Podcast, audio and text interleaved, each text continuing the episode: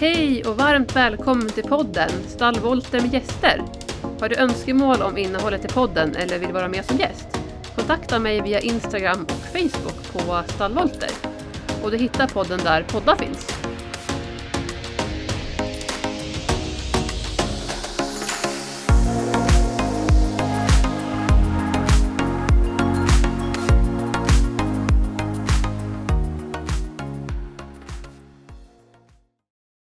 Hej Susanna och varmt välkommen till podden. Hej, tack så mycket och tack för att jag får vara här. Jättekul att du är här.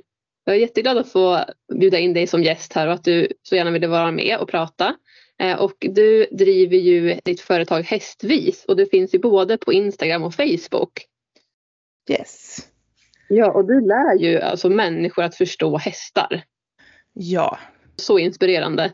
Mm, tack, vad kul att höra. Eh, jag är jätteglad för att så många vill eh, intressera sig för att förstå hästar. Det är ju liksom en, en passion som jag har att eh, både människor ska förstå hästar och också att människor ska förstå sig själva. Men just att det finns ju så väldigt mycket som händer i kontakten mellan hästar och människor.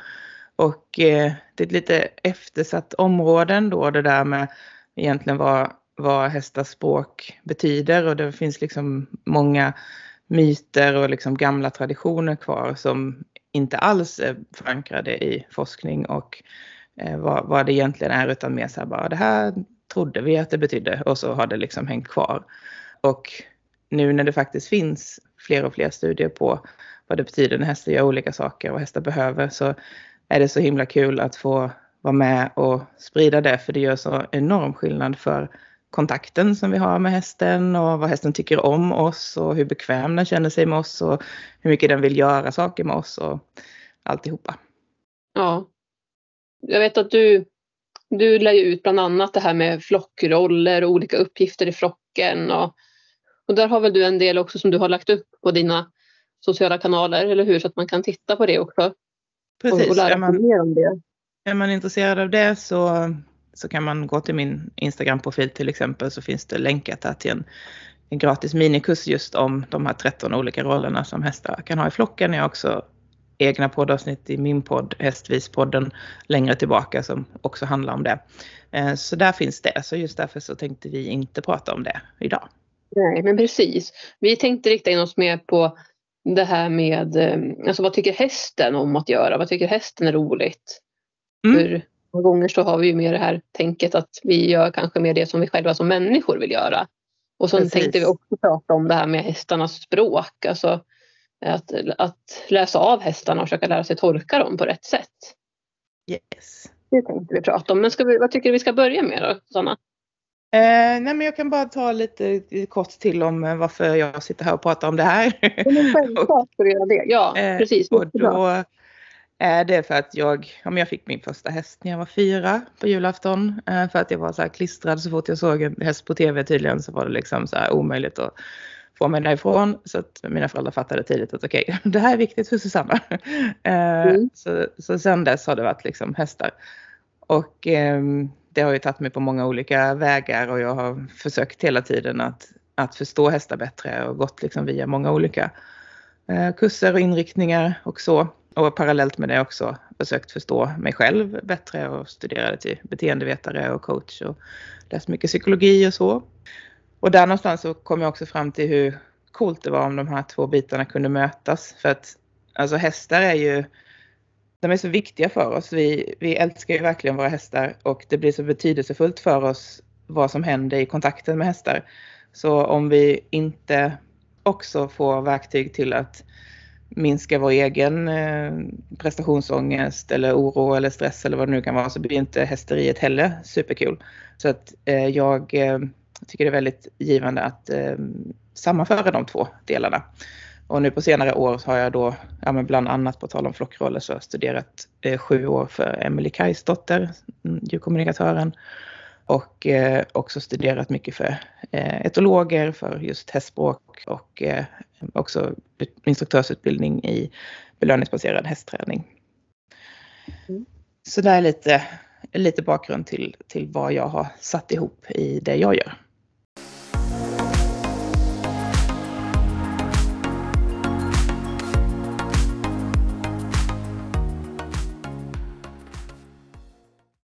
Hur många hästar har du jag har sju. Mm. och så är det, mm. det är tio stycken totalt som bor på gården. Sju är, är mina då inom citationstecken. Och då kan vi börja i den änden på tal om, om vad hästar gillar. Så det är ju en ynnest och jag bor liksom precis, hästarna är precis utanför dörren. Och det är väldigt eh, lärorikt ju att ha en flock så som man kan studera eh, så pass mycket och också en flock där många av dem har känt varandra i större delen av sina liv. Eh, så det blir också en, en väldig eh, kontakt liksom dem emellan. Ja. Eh, och där någonstans så, så eh, kommer väl liksom mitt också intresse av att studera och se vad, men okej, okay, men om vi om vi inte gör så som vi brukar göra, det vi brukar göra är att så här, men vi människor tänker jag vill ha en häst för att jag tycker det här och det här och det här är kul för min skull. Liksom. Och istället vänder på det och funderar på vad gör hästar och vad tycker hästar är kul? Och kan vi någonstans liksom mötas där? Så är det ju först och främst någonting som vi missar ganska mycket är ju just att bara vara med hästarna och det vet jag att eh, du gör ju också i din verksamhet när du liksom lär människor att få förstå hästar och, och sköta hästar från marken och så en jätteviktig del som ju tyvärr annars missas i att så här, men direkt bara förväntas vi hoppa upp på ryggen på en häst som vi inte ens känner. Det är egentligen en mm. jättekonstig grej eh, så, från allas håll. så. Ja, eh, och, och tyvärr bidrar ju också delvis till den här känslan av att hästen bara är liksom ett redskap som bara ska lyda våra kommandon i princip istället för att hästen är en egen person, en egen individ med, med egna saker som pågår och egna önskemål. Liksom. Mm. Ehm, så, så just det där att, att börja någonstans i, i kontakten med hästen och i, i ja, att studera hästen i sin hage eller bara vara med den där eller titta på när den äter eller hänga med den gör ju så väldigt mycket för att hästen ska verkligen så börja lita på en för att man är där och man är med om saker som händer tillsammans och så. Och, och det coola med det är att när man väl har den grunden så vill ju hästar ofta göra saker med oss. Och de där sakerna som vi drömmer om, att vara ute i skogen tillsammans eller vad det nu kan vara. Det tycker ju många hästar också är väldigt kul om de bara får göra det på ett lite annat sätt än det traditionella sättet. Jag mm. tror att väldigt få hästar tycker det är kul att longeras runt, runt i 20 minuter på en ridbana till exempel. Jag tror mm. att väldigt få hästar tycker det är kul att tvingas ut i skogen själva om de inte är redo för det. För det är också en väldigt onaturlig grej för en häst att göra. Men det finns många hästar som tycker det är väldigt givande att få träna kroppen och använda kroppen. Det finns väldigt många hästar som tycker det är jättespännande att, att ge sig ut i skogen och upptäcka sin omvärld men kanske få gå lite mer fram och tillbaka, få gå lite kringelikrokar, få vara flera hästar eh, och så vidare. Så att man kan, kan göra lite justeringar så för att det ska bli lite mer på hästvis liksom. Ja men verkligen, det är viktigt det du säger, alltså verkligen. Och som du säger att hästar är ju oftast inte vana att gå rakt fram utan de går ju som du säger lite kringelikrokar, kors och tvärs och lite så liksom. Så att det är väl egentligen jätteonaturligt för en häst när man tar dem ut i skogen och bara nu ska vi gå här rakt fram på den här vägen eller på den här. Precis.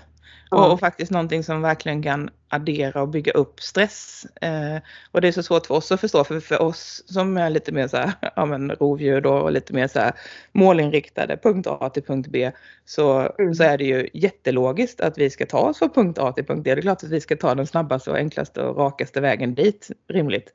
Men mm. då, det är ju för att vi i vår natur inte behöver vara lika uppmärksamma och utforskande som hästar som ju liksom ändå behöver vara på alerten för ett eventuellt lejon hela tiden. Eh, så att de blir mycket tryggare om de kan få gå och precis som du säger kringelikroka och, och ibland kanske gå iväg en bit och sen gå tillbaka hem en bit och sen gå iväg en bit till. Och om vi då tar liksom de gamla koncepten av att vi är en dålig ledare ifall hästen behöver gå tillbaka hem. Då kommer vi ju bara sitta där och bli frustrerade och tycka att det är meningslöst. Eh, och kanske till och med känna oss dåliga. När vi egentligen har gjort hästen en jättetjänst och egentligen varit jättesmarta på ett hästvis sätt. Att faktiskt göra det som på riktigt bygger Eh, trygghet för hästen. För att om hästen så har fått se det där trädet från alla olika håll, eller den där stenen eller den där brevlådan, så kommer hästen sen säga, aha, okej, okay, nu, har, nu har jag sett den, nu har jag känt alla dofter, nu har jag hört alla ljud som den gör, nu kan jag släppa det här. Istället för du vet det där att man rider samma runda och det är alltid liksom jobbigt att gå förbi den där passagen.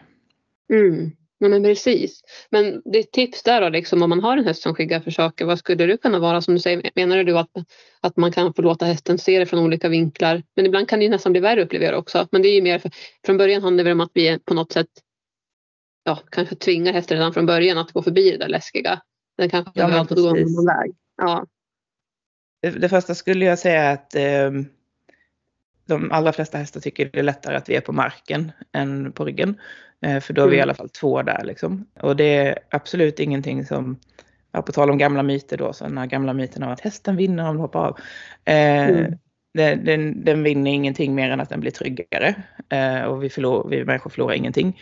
Eh, vi, vi, vinner dock mer av hästens förtroende av att så här, istället för att hamna i en situation som kanske bara bygger upp mer och mer stress och hästen blir räddare och det blir farligt. Så är jättemycket klokare att, att hoppa av och sen om vi märker att hästen fixar inte att stå där och titta på den här grejen för att den bara liksom, då är det ju ett tecken på att vi är för nära den redan. Liksom, att det, och, och det kanske har varit med om flera andra saker tidigare under rundan eller eh, under tiden vi fixade i ordning hästen som gör att hästen har så byggt upp lite stress, så här, triggerstapling som man kallar det, vilket gör att till slut den där sista droppen som får bägaren att rinna över gör att det verkligen exploderar så att säga.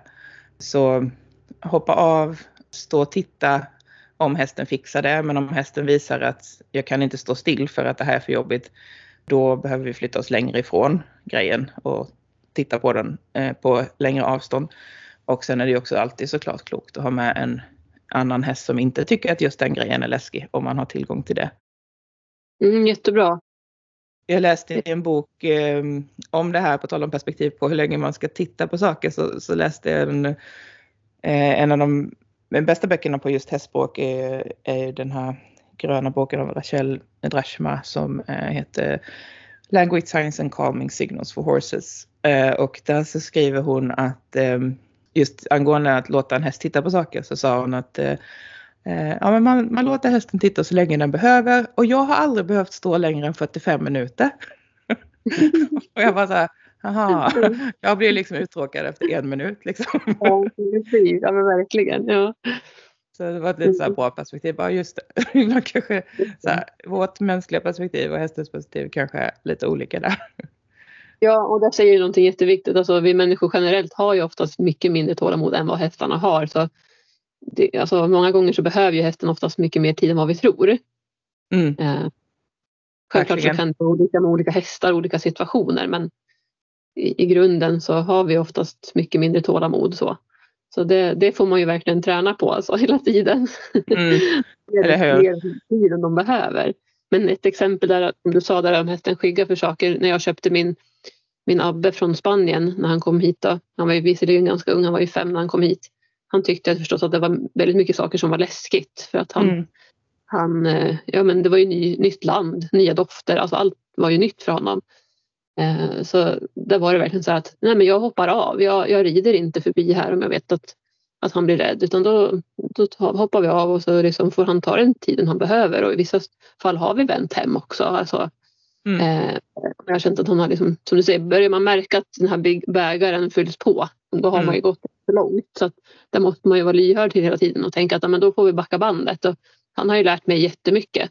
Och jag är ju lärd från den här som du sa, den här gamla skolan att nej men hoppar du av så har du förlorat. Alltså, jag kan känna mig igen mig jättemycket i det.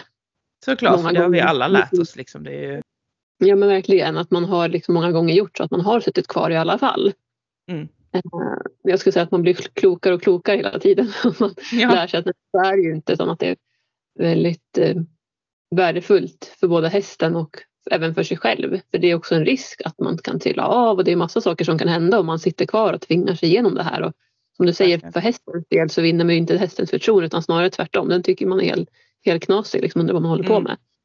För problemet är ju också att om man ska om man sitter på ryggen och hästen egentligen vill springa därifrån för att den är rädd och vi måste tvinga den att stanna kvar, då är ju vi ganska otrevliga. Alltså för eh, om en häst är högt i stress så måste vi ju dessutom använda ganska hårda hjälper för att få hästen att stanna kvar.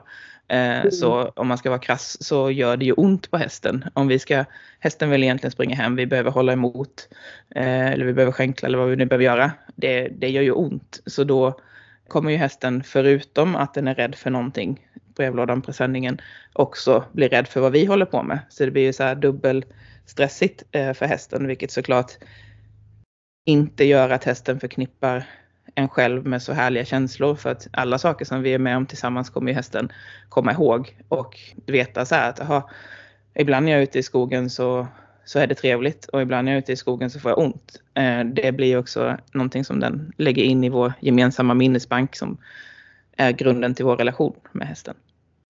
Just det. Ja, för hästarna de kan ju liksom inte särskilja och tänka så som vi tänker och olika sammanhang på det sättet att vi kan ju förstå, eller vi kan ju tänka att ja men imorgon ska vi rida ut och då kommer vi rida på det här stället och då kommer det här kunna hända. Alltså, hästarna kan ju inte tänka det utan det är precis som du säger att de är ju här och Nej. nu och och gör ju det som känns rätt för stunden. Och, och de glömmer ju aldrig saker som har varit obehagliga och läskiga för dem. Det, det finns ju kvar liksom. Mm. Precis. Och, och snarare då tyvärr att vi Alltså, vi menar inte att vara dumma där, det, vi gör ju bara det vi har lärt oss som sagt. Men, ja, men vad vi råkar göra är ju att vi, vi gör den där saken ännu läskigare. För förutom att hästen tror att den håller på att bli uppäten av den här brevlådan så så händer det också konstiga saker med dess människa samtidigt som ska, ska hålla på och skänkla på den eller vad det nu kan vara. Mm. Men precis, den kan inte riktigt förstå varför. Nej. Mm. Och, och det är ju någonting med det där med att ja, men hästar som flockdjur är ju helst i flock och de är, de är medvetna om att om de är ensamma så är det större risk att de blir upptäckta och uppätna av ett rovdjur. Så att om de är eh, spända så tycker de att det är trevligare att vi är på marken jämte dem för då ser de oss och vi står där jämte dem. Liksom. Eh, mm. Vi, är, vi, är, två enheter typ. Eh, ibland, jag tänker ibland, det här är inget jag har något vetenskapligt stöd för, men jag tänker ibland att de tänker att ja, men då är det i alla fall 50-50 chans att jag blir uppäten. men, ja, men, om, men om jag, jag som häst bara har en människa på mig så är vi liksom samma, då är det liksom jag som, som dör. så då blir det lite, ja. lite jobbigare för dem.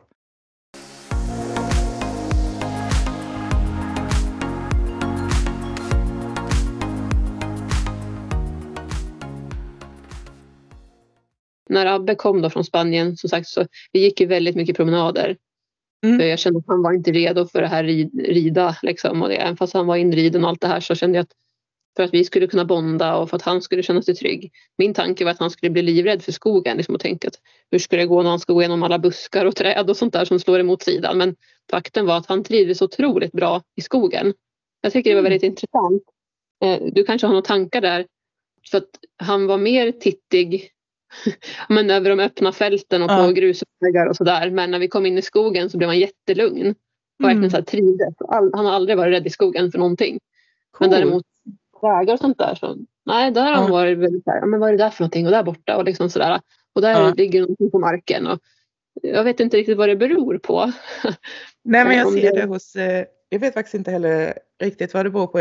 Jag, gissar nu men jag ser också det hos många hästar att eh, öppna, öppna fält och att kunna se långt är liksom svårare än i skogen. Jag kan tänka mig att det kan ha någonting med deras synfält att göra. Att det är ju liksom just avståndsbedömning och sånt är ju, funkar annorlunda än för oss människor.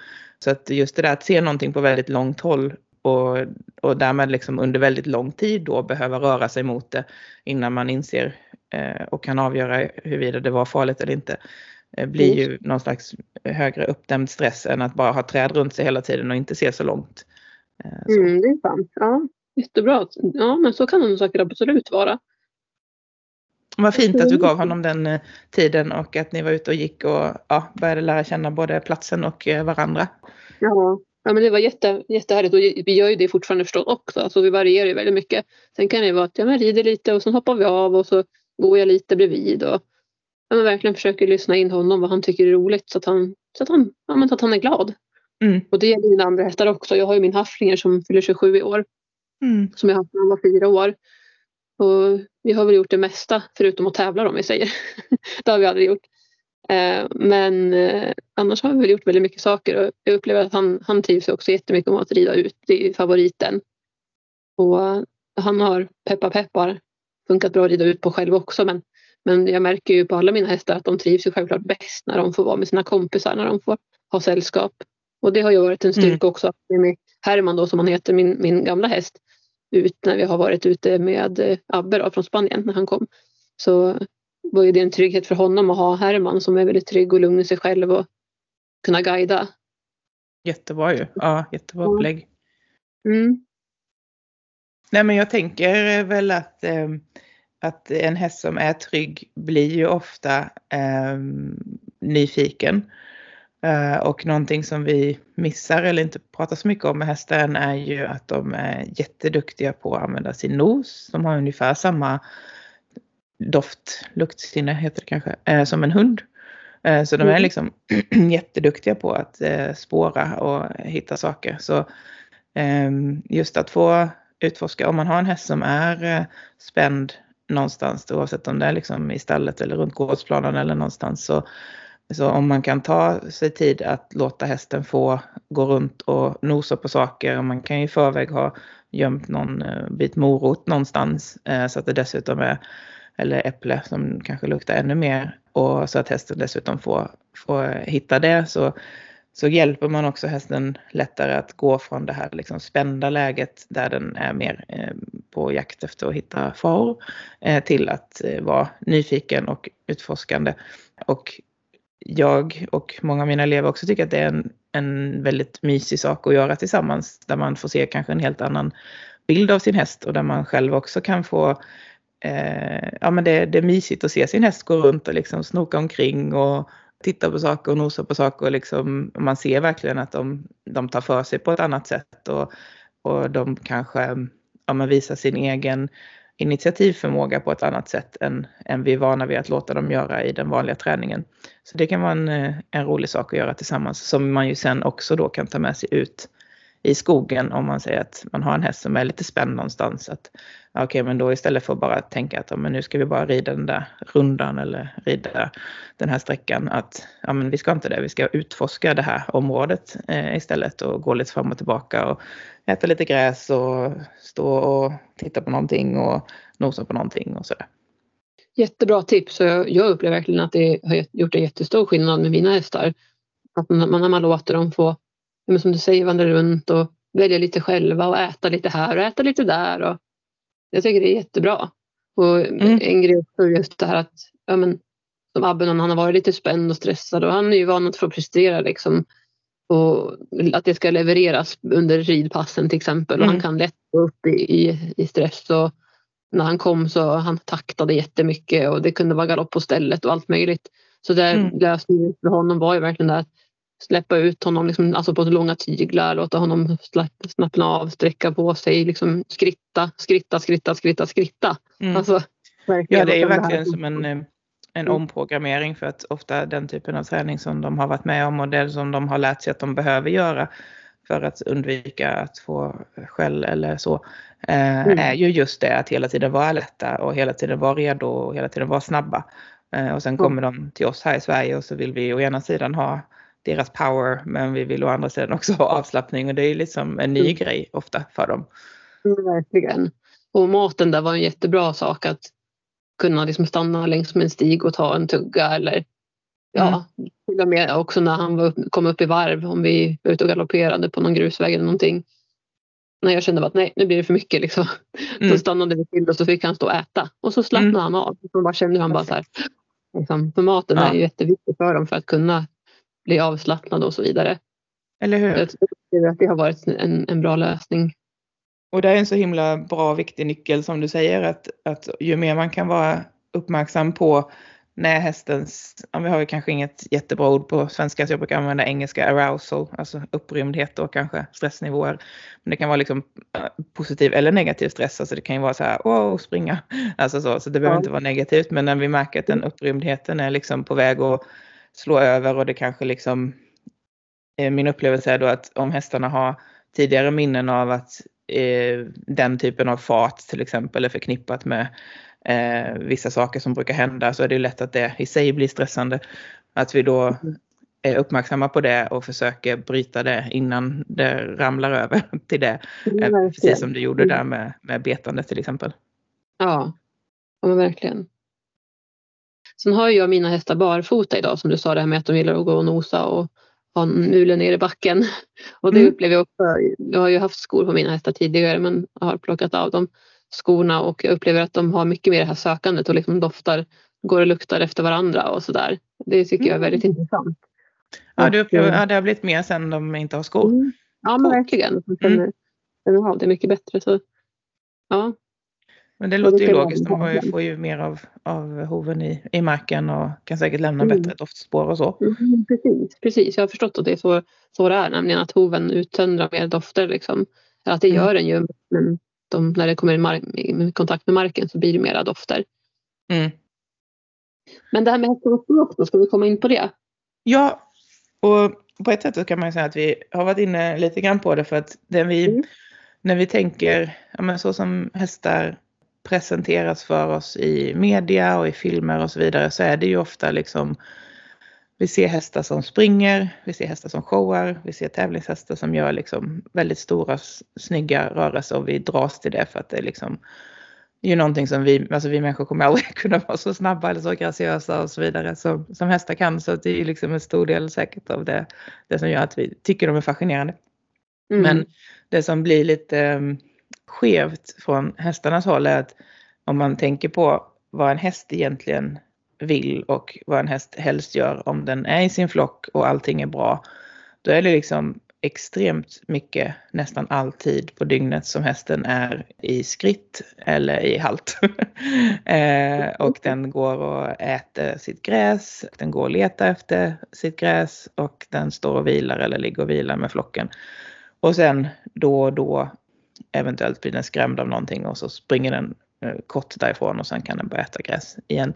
Så en häst som mår bra, är i balans och inte är stressad eh, gör ju inte så mycket väsen av sig och den gör inte så stora, den gör liksom inga stora kast eller språngmarscher eller så. Och eh, det kan bli lite mm, eh, skevt när vi tänker på vad vi förväntar oss av hästen och vad vi är vana vid att hästar, liksom hur de kommunicerar med varandra.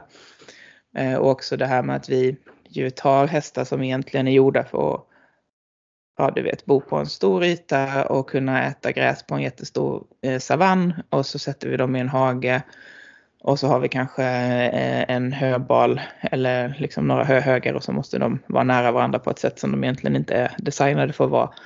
Eh, och så blir det lite rörigt och så börjar de flytta varandra och sådär. Och det är ju så normalt för oss att vi tänker att både, både det här att hästar liksom är aggressiva mot varandra och att hästar springer runt och eh, springer längs med staketet eller springer runt, runt om vi släpper dem i en ridbana eller vad det nu kan vara. Det är så normaliserat för oss så vi tänker att ja, det är ju normalt. Men, mm. men egentligen så är det ju en häst som, ja men en häst som springer runt, runt till exempel om vi släpper den gör ju det antingen för att den vill komma till sina kompisar men den kan inte det just då för att den är instängd i ett ridhus. Eller för att den har väldigt mycket uppdämt rörelsebehov av någon anledning för att den har stått på för litet underlag eller för dåligt underlag eller så. Eh, därmed inte sagt att man inte ska släppa hästen då, för det är säkert jätteskönt för den att få springa runt om den har det behovet. Men att man tittar på hästens levnadsmiljö så mycket som möjligt så att eh, vi inte så glorifierar att hästar springer och gör massa stora showiga rörelser för oftare än vi tror så är det stress mm. än att de har roligt. Vi tycker det är fint så vi säger wow, kul att den så hoppar och bockar och stegrar och så. Och så blir vi glada. Men för hästen är det oftast inte en kul upplevelse. Det är liksom den som eh, har mycket spänningar och stress i kroppen som den behöver få ur sig. Liksom. Mm. Ja, det är jätteviktigt att du säger det. Jag vet ju till exempel, alltså min miniatyr, när han, var, han kom hit när han var ett år, han fyller fyra snart. Eh, alltså han har ju varit så här att man tar man in honom på ridbanan så har han sprungit runt jättemycket och då har jag ju tyckt att men gud vad roligt, alltså, han har mycket energi och han springer. Och det kanske kan vara så också i vissa tillfällen men säkert kan det också vara att han blev lite otrygg när han inte var med de andra kompisarna.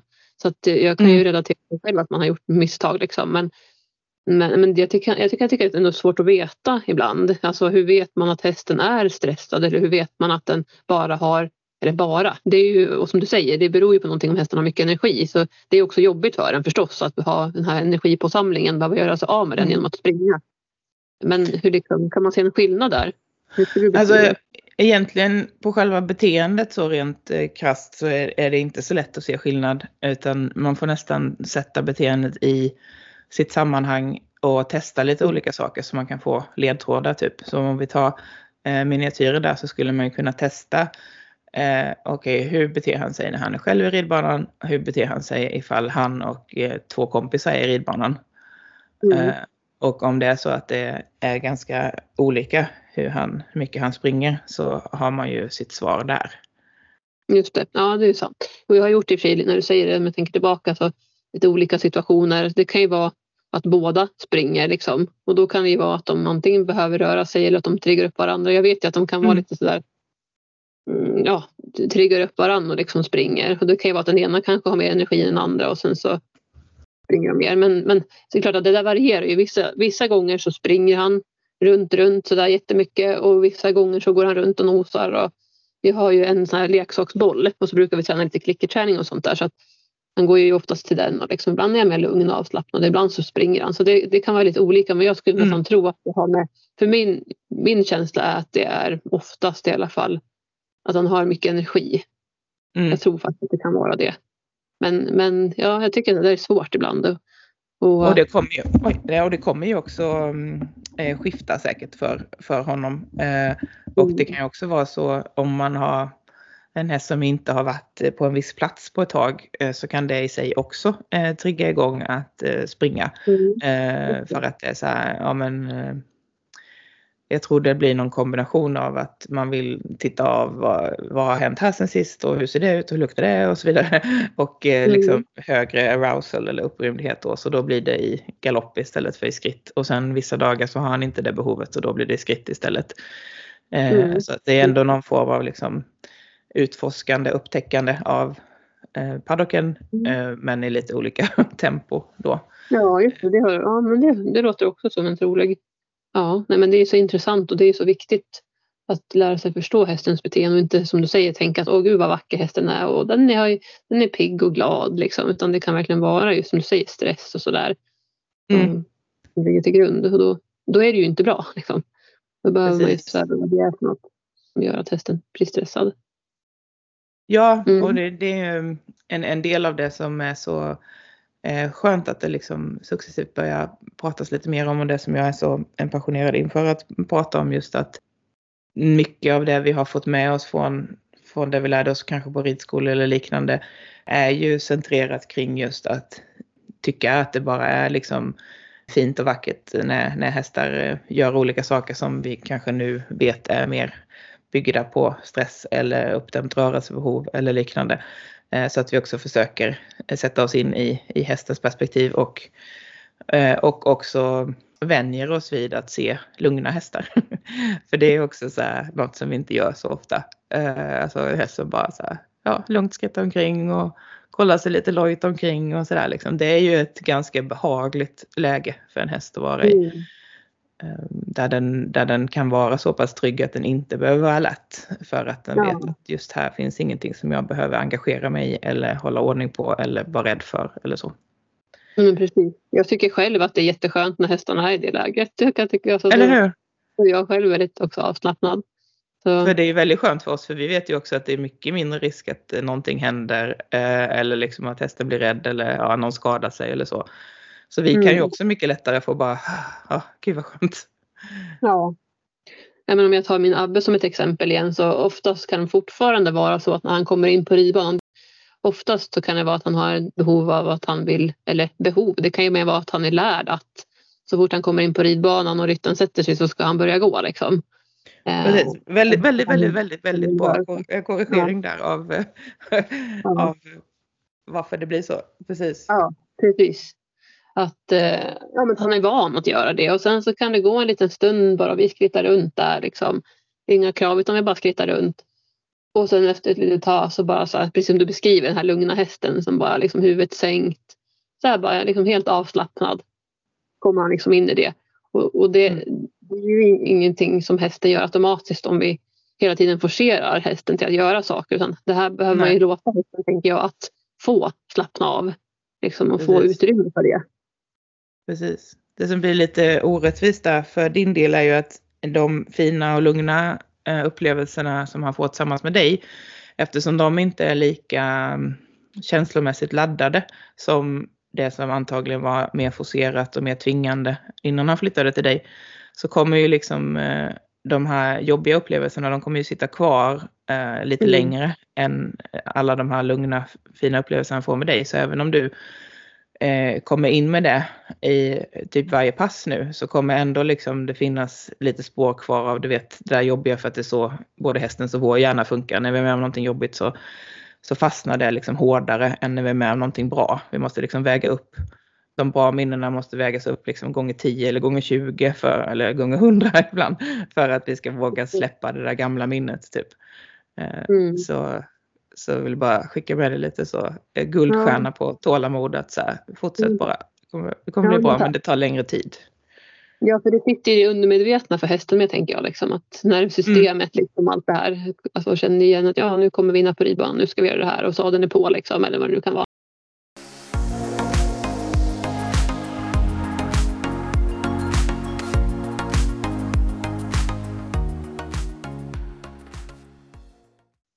Jag tänker när du berättade att du brukar titta på dina hästar i flocken hemma hos dig.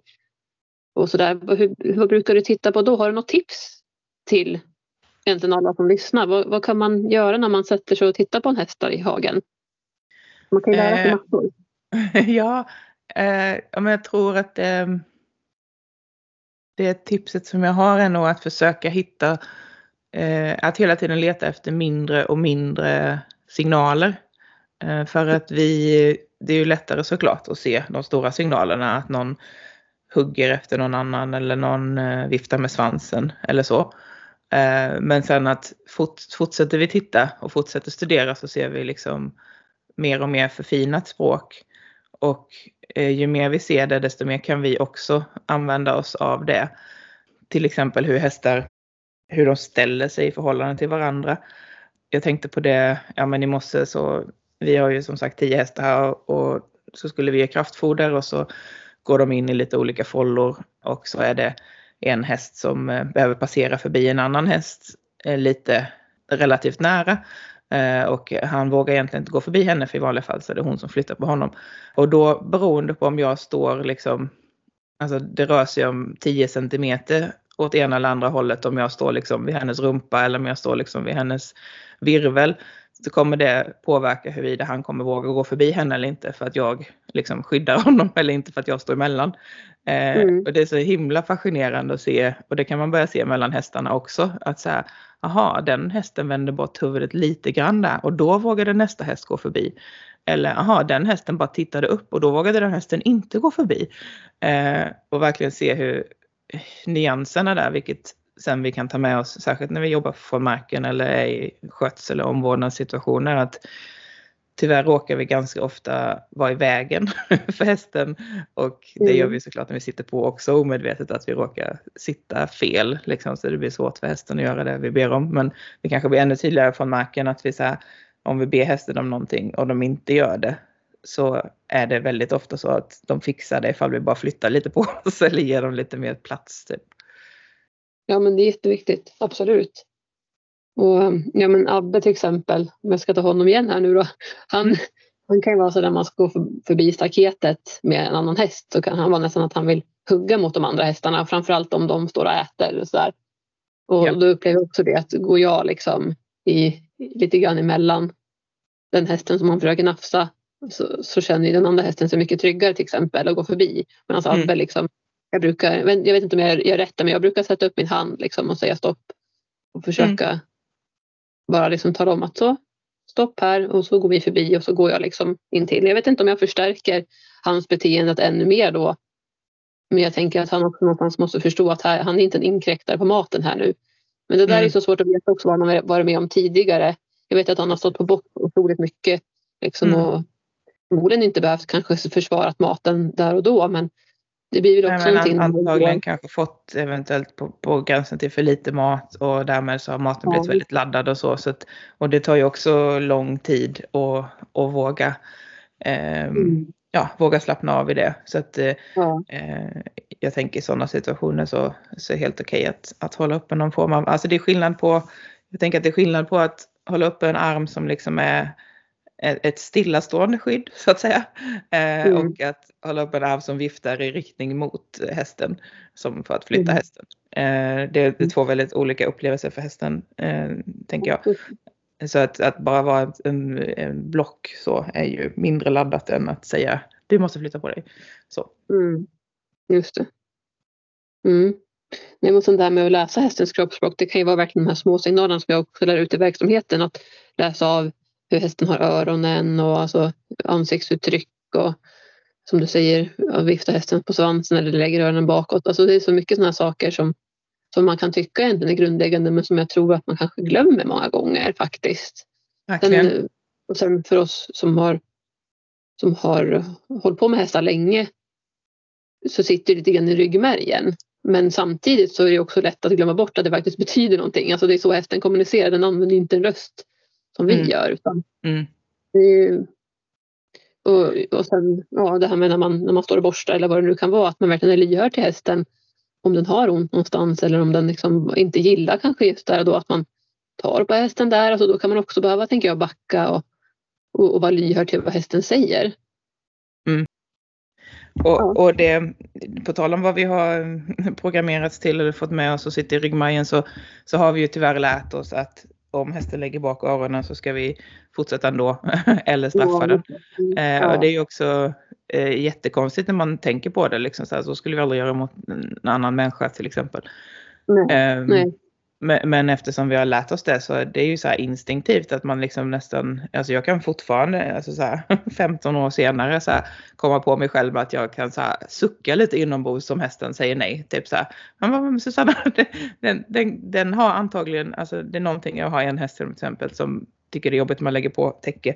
Eh, vilket Mm. sannolikt är för att hon har ont. Eh, och jag ser det på hur hon går och hon liksom har en väldigt överrörlig kropp som eh, inte är liksom toppen och hon börjar bli lite äldre och sådär. Och, Mm. och då är det så här, ja men alltså det är inte som att hon liksom lägger bak öronen för att jävlas med mig för att liksom täcket kommer utan det är så här, aj, aj, aj. Och, och då är det ju så sjukt att jag liksom instinktivt eh, ändå blir så här, "Åh, måste du hålla på? Typ så här, och då hålla på? Mm. Det är det så här, med allra största sannolikhet så, så säger hon aj, aj, aj, aj. Och då så, så säger jag så här, det är ju liksom egentligen jätteknäppt. Så att Mm. Ja, men, på sig ja, verkligen. just det, eh, precis som du säger, det är kommunikation. Så det, de har ingen anledning till att, eh, alltså de är ju extremt fredliga djur och de, de vill verkligen inte eh, vara aggressiva eller ställa till det. De är ju i princip alltid bara det om de har ont eller är rädda för att få ont. Eh, så. Mm. Ja, det betyder ju någonting så man ska inte försumma det liksom, eller tänka att nej, men det är nog inte så farligt. Eller, alltså, Nej. och, och framförallt om, ja, men om hästen som du säger kanske nafsar eller verkligen visar irritation liksom, eller aggressivitet. eller- Då är det, det beror ju på någonting. Mm. Det är alltid så. Så det är aldrig så att hästen är utstuderande och tänker att nu ska jag jävlas med dig här. Eller jag tänker minsann inte ha något täcke eller vad det nu kan vara. Utan det är ju, det är ju någonting som ligger till grund för det. Precis.